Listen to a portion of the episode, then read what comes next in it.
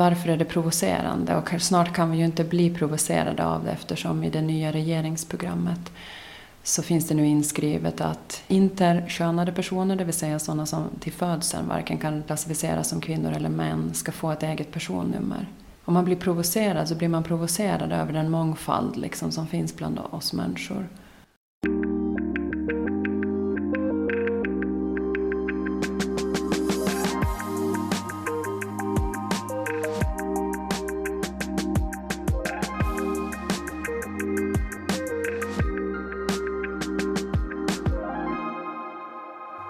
Språkexperten Jenny Silvin är här. Hej! Hej! Jag, Jens Berg, är här och det betyder att det är dags för näst sista ordet. Jag tänkte att vi börjar enkelt, Jenny, med ordet hen. För det är väl så självklart vid det här laget att vi inte ens behöver diskutera det. Eller? Alltså, när hen dök upp i språket och blev liksom en allmän fråga någon gång på 00-talet, så då var det många som omedelbart anammade det här ordet för att de har saknat ett alternativ till det bökiga han eller hon. Och dit hör jag själv också. Andra värjde sig. Ett argument som jag nu direkt vill underkänna är det här att det betyder höna på engelska, mm. för då ska vi få rensa ut godingar som fart och smäll och mycket annat.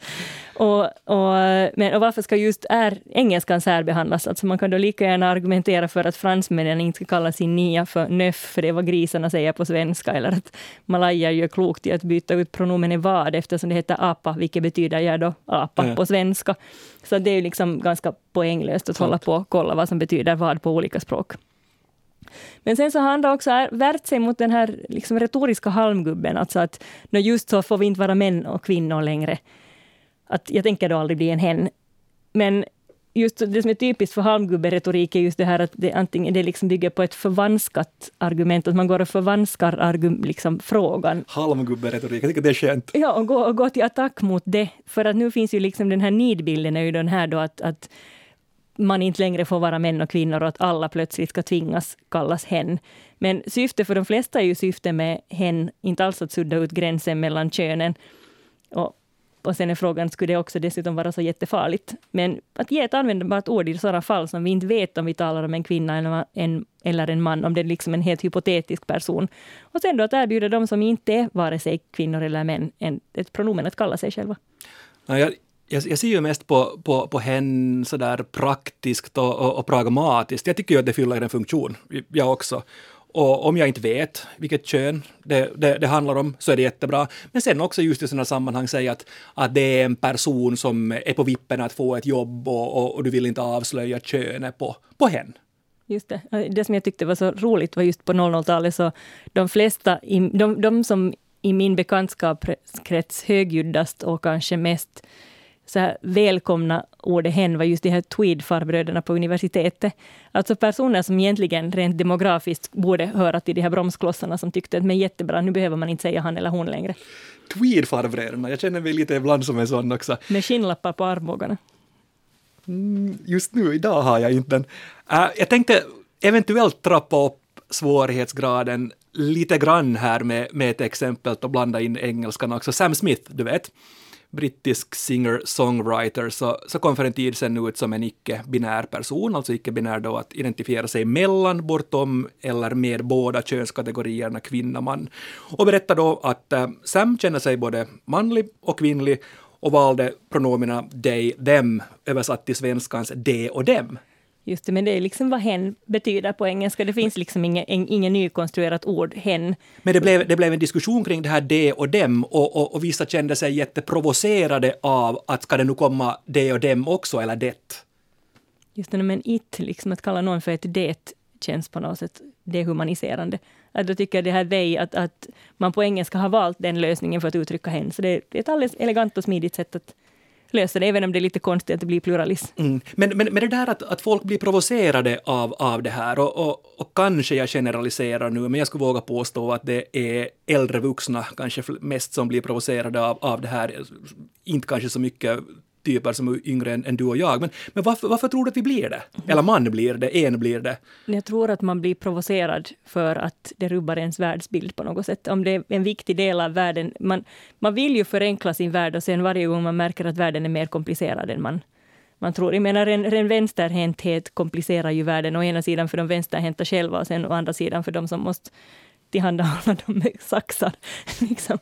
att, att på något sätt det här, att det här hänsynen man sen måste visa folk som, som avviker från det här liksom riktiga A4-standardformuläret på ett eller annat sätt, gör att en del blir provocerade. Och sen dessutom med det här språket, vad det gör med oss, betyder det nu plötsligt att jag själv måste sadla om med mitt språkbruk och, och känner, tänker bli kränkt eller känner mig olyst över det, eller, eller funderar man på saken, lever med det, försöker anpassa sig och, och gå vidare. Men det är uppenbart liksom att det här tanken på att det skulle finnas fler kön än ett verkar provocera efter, men liksom med tanke på de diskussioner som dyker upp i sociala medier eller på insändarsidor när till exempel en gymnasieskola väljer att inrätta ett tredje omklädningsrum där Exakt. folk som känner sig icke-binära kan få byta om i fred om de inte känner sig hemma i vare sig flickornas eller pojkarnas omklädningsrum. Och handen på hjärtat, vem gör egentligen det någonsin? Känner sig hemma mm. i ett gemensamt Nej. omklädningsrum i gymnasiet. Och sen tror jag att folk blir provocerade av minoriteter helt enkelt. Just det här att man blir rubbad i sina cirklar av tanken på att alla inte är som man själv. Och sen kanske man tycker att det är okej okay så länge det inte påverkar mig på något sätt. Och de där får nu hålla på med det de håller på med. Men sen till exempel om jag måste anpassa mitt eget språkbruk så kan det börja skava. Men det är ju faktiskt helt jättemöjligt att tänja på gränserna för sitt eget tänkande och sen märker man att det kanske nu egentligen inte är så svårt. Nej. Vi går vidare här lite och trappar upp svårighetsgraden eventuellt ytterligare. Det som ju diskuteras ganska mycket nu, eller har diskuterats under de senaste, säg fem åren, så är pronomenet man. Alltså om man då borde ersätta man med en. Ja, om en borde ersätta man med en. Mm, ja, och man borde säga en istället för, för man, för att en skulle då vara mera könsneutralt. Och vi kommer i det här avsnittet av näst sista ordet att höra en hel del kommentarer av Malin Gustafsson. Malin är en känd och erkänd jämlikhetskonsult och vi ska höra vad Malin säger om man versus en. Och det beror ju på också hur vi läser det som, som liksom, läser vi det som ett könat ord eller nej. Eh, men jag tänker att det är ju mycket i vårt språk som har, har sin liksom, grund i vad som är det universella. Att man vet. Att vem är det som vet på riktigt? Liksom.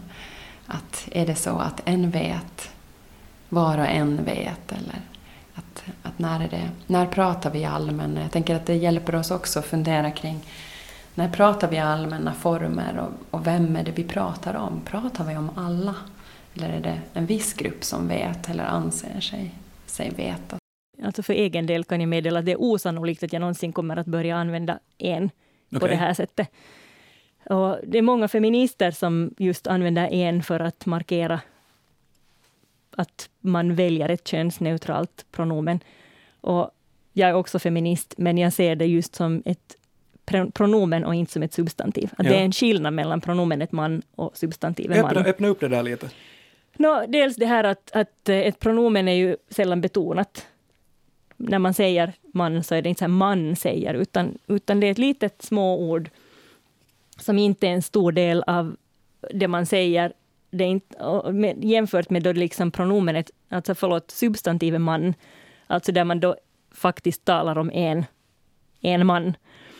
Och alltså, det finns ju många ord som stavas lika och, och används lika. Det är klart att de, deras ursprung är detsamma, att de någon gång i tiden har liksom, att att det rent etymologiskt är fråga om samma ord, substantivet man, som sen har blivit ett pronomen. Men det är så länge sen och ska man gå in och börja peta i alla delar av språket som eventuellt inte är könsneutrala, så har vi nog ett helsikes jobb framför oss. Alltså till exempel om man ska ersätta ordet människa med, ja, med vad då? Och en massa andra ord, till exempel behärska, där det här här inte egentligen någon alltså kommer från, det stavas nu med ä, men alltså det kommer herre, från att vara herre över mm. någonting. Det är så väldigt många ord man sen ska gå rota i om man ska ändra på det här. Så att jag kommer sannolikt då inte att börja anamma det här, det här brukarordet än. Och det känns lite tråkigt om jag då i och med det här valet då uppfattas som omedveten eller att vara en av patriarkatets lakejer. Men jag har ingen lust att hoppa på ett språktåg som jag inte tror på. Nej. Men sen har ju en i och för sig funnits ganska länge både i sverigesvenska och, och, och finlandssvenska dialekter. exempelvis uh, det en inte har i huvudet får en ha i benen. Ja, och så, jag menar, är det, är det en del av ens eget privata personliga språk är det ju på alla sätt okej. Okay. Och i skrift, jag menar, vill man ändra alla sina man till en, så kan man liksom gå igenom kontroll F eller liksom hitta alla de här man i sitt språk och ersätta dem med en. Men ska man ändra ett sånt här litet obetonat ord i sitt talspråk så ska en nog vara väldigt motiverad. Jag vet inte om du, om du läste Katarina Grünbaum, alltså den, eh, den kända svenska språkvårdarens eh, text här i, i Svenska språktidningen. Det var här för, ja var det en par år sedan som hon skrev under rubriken Kön kan ge vårt språk fler nyanser. Den blev ganska uppmärksammad för att det var en hon, hon riktade en ganska skarp kritik mot ett överdrivet könsneutralt språk. Och i korthet så, så handlar hennes kritik om användningen av titlar och jag ska försöka återge det kort och koncist här. Uh, lärarinnor och dansöser så är ju numera lärare och dansare. Och, och Grünbaum så, så, så tycker då att, att man gick in för den här manliga formen som den könsneutrala, alltså då till exempel lärare och dansare. Och hon tycker att det här är lite ologiskt, att, att samma människor som kritiserar titlar som ombudsman eller styrman nu tycker att det är okej okay med den manliga formen då skådespelare, sångare. Och sen skriver hon att, att sen har vi ju inga problem med att säga svenska, fransyska eller norska. Och hon tycker att språket blir fattigare, direkt citat, mig tycks att ett och annat barn riskerar att kastas ut med könsorättvisornas badvatten, citat slut. Och, alltså, jag, jag, måste säga att det kan hända att det är en generationsfråga. Jag tycker inte att någonting av det här är upprörande. Men sen funderar jag just på det här att var det nu liksom alla de här titlarna hon var, drog över samma kam. jag tycker just det här att liksom till exempel ordet, jag hakar nu upp mig på ordet lärarinna som känns väldigt ålderdomligt för det första. Men för det andra så tycker jag också att här finns den här liksom aspekten på status och utbildningsgrad. Till exempel då en lärarinna, med det anser man ofta just någon lite gammaldags, eventuellt ogift person, som har då liksom vigt sitt liv åt att undervisa andras ungar. För det var, jag menar, tänker förr i världen så var det ju så att man var liksom lärarinna tills man gifte sig och, och fick liksom något bättre för sig. Som om det skulle finnas något mer värdefullt än att lära barn grunderna i att läsa och skriva och annat. Sen tänker jag, jag menar till exempel också den här nivån på var man undervisar, det är ju, skulle man till exempel googla, jag, jag googlade faktiskt på ordet universitetslärarinna. Okej, okay, vad hände? Nej, det fanns liksom 59 förekomster och, och de var dessutom så att de var nästan alla hänvisade till samma källa. Medan så att det är uppenbart, det här är ju ett tecken på att det är en sammansättning som inte direkt används. Men när jag sökte på lågstad, lågstadielärarinna så kom det liksom flera tusen förekomster.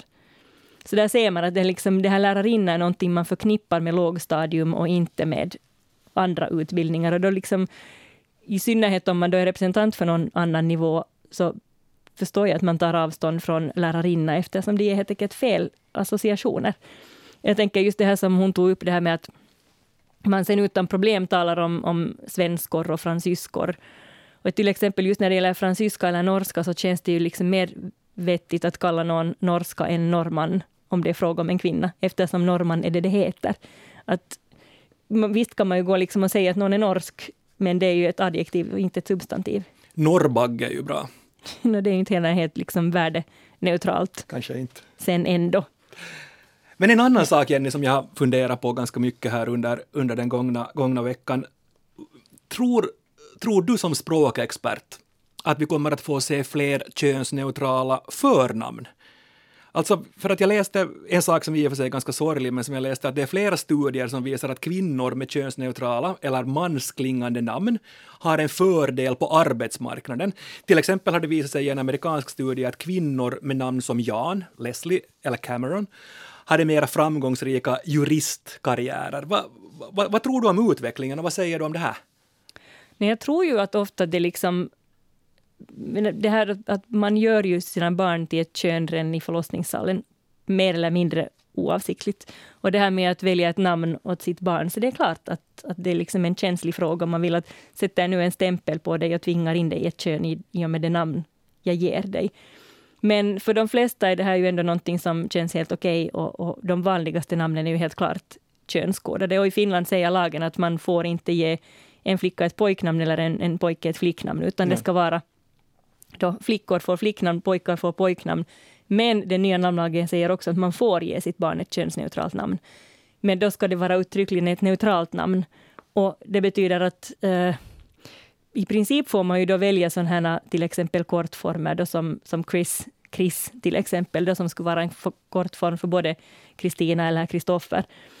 Men sen när jag gick och tittade på till exempel i Sverige vilka, vilka könsneutrala namn som är vanligast där, så var det nog alltså med väldigt stark betoning på i princip namn, mansnamn eller smeknamnsformer för mansnamn.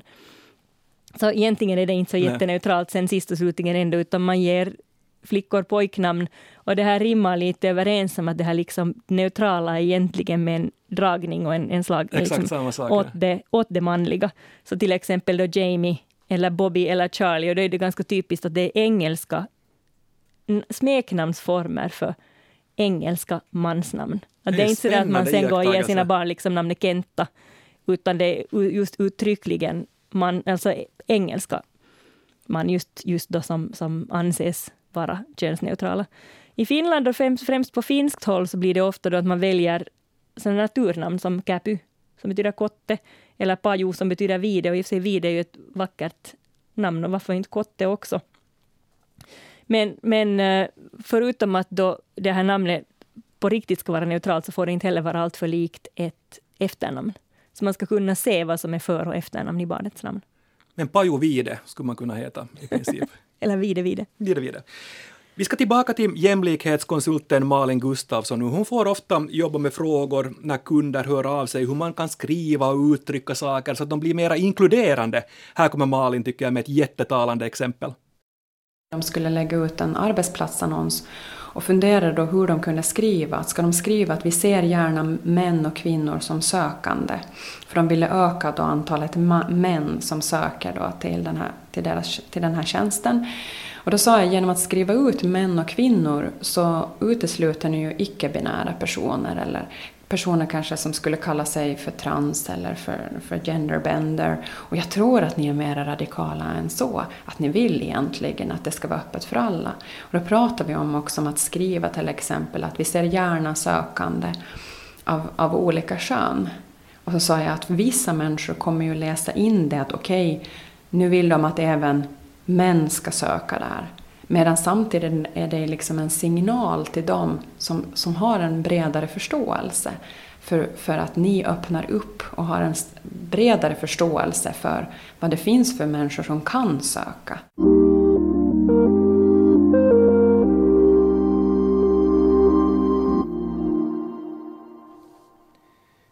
Vårt språk så avspeglar ju egentligen hur vi, hur vi tänker.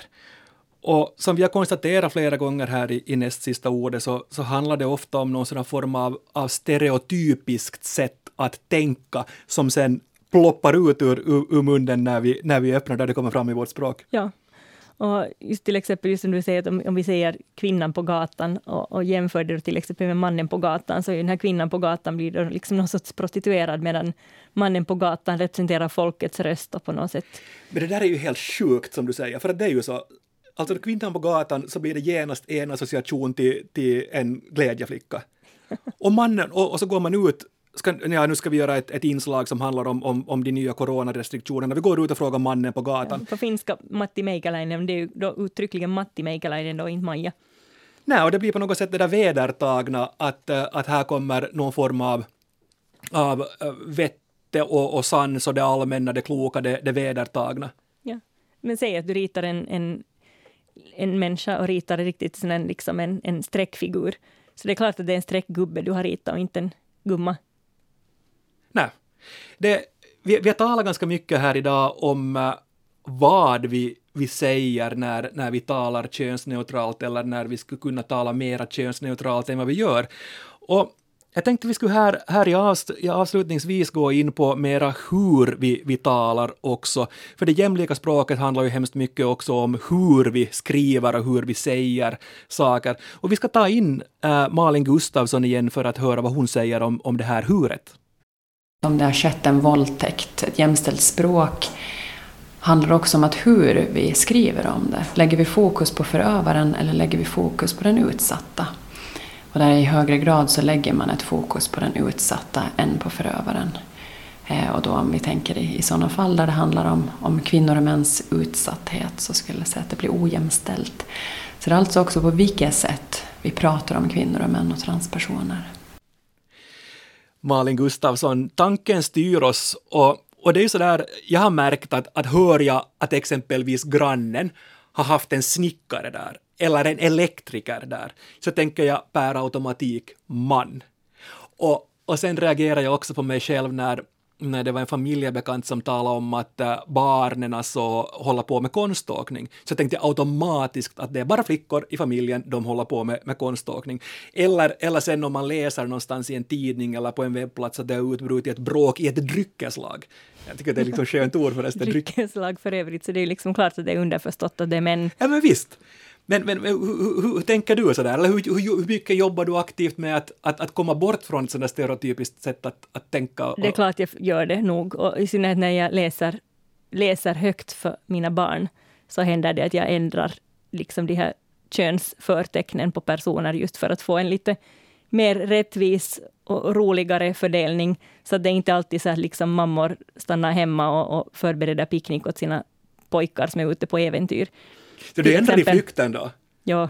Men, men ser, ser de bilderna sen då också att där är någon annan person? Nej, inte ser man. Liksom, I den här specifika sagan så var det djur som var huvudpersonen, så inte ser man nu så noga Nej.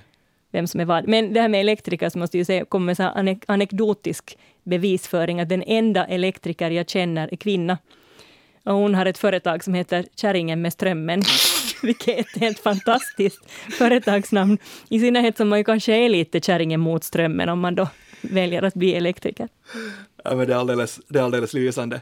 Men jag, jag tänkte ännu, ännu det som Malin Gustafsson sa om den, om den utsatta, så, så jag har faktiskt börjat reagera på det där hur det, hur det skrivs och att, att det inte är fokus på, på, på den som som, som är förövaren, exempelvis då i en våldtäkt som hon, som hon tog upp här. Ja, ja, jo, alltså det är förskräckligt att, det, att kvinnan blev våldtagen, men vad skulle du nu gå och bli våldtagen för istället då för att en, en man våldtog en kvinna?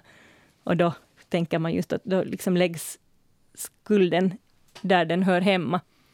Jag tänkte, i och med att det här är ganska snårigt och, och det här, här finns en del, en del fallgropar, att vi nu skulle försöka oss på någon form av, av konklusion, du och jag här. Ja. Och, och för det första kan vi då säga att hen, tycker vi, är ett fantastiskt bra ord. Det är användbart både just när man talar om någon man inte vill, vill liksom, som man inte vet vem det är, så man slipper det han eller hon. Eller sen då någon som någon icke-binär person. Och jag menar, man behöver inte använda hen. Man kan fortsätta säga han eller hon om man vill. Däremot så är det ju inte liksom någon annans sak att köna en person, en icke-binär person. Så man kan ju inte liksom tvinga, tvinga in någon och säga att ja, men jag tänker kalla dig han. För då är man ju bara otrevlig. Mm. Och personen själv där så måste ju ha, ha sista, sista ordet. Tolkningsföreträde alla gånger. Ja, och då får vi finna oss i, i det. Eller hur? Ja, lika, menar, lika, det, det är framförallt är det fel, lika fel som om någon skulle kalla mig han, till exempel. Och pronomenet man så är inte samma sak som av manligt kön. Och att ersätta man med en så verkar kanske inte att fylla samma behov som, som när ordet hen kom. Ja, nej, alltså det har kanske inte anammats lika snabbt och lika omfattande. Och det är framförallt i vissa kretsar. Och sen blir det sen nästan så att det blir ett inneord och man kanske inte vågar avvika från det om man, om man vill så att säga höra till, till, till de kretsar eller om det är liksom populärt i ens umgänge att, att använda det ordet.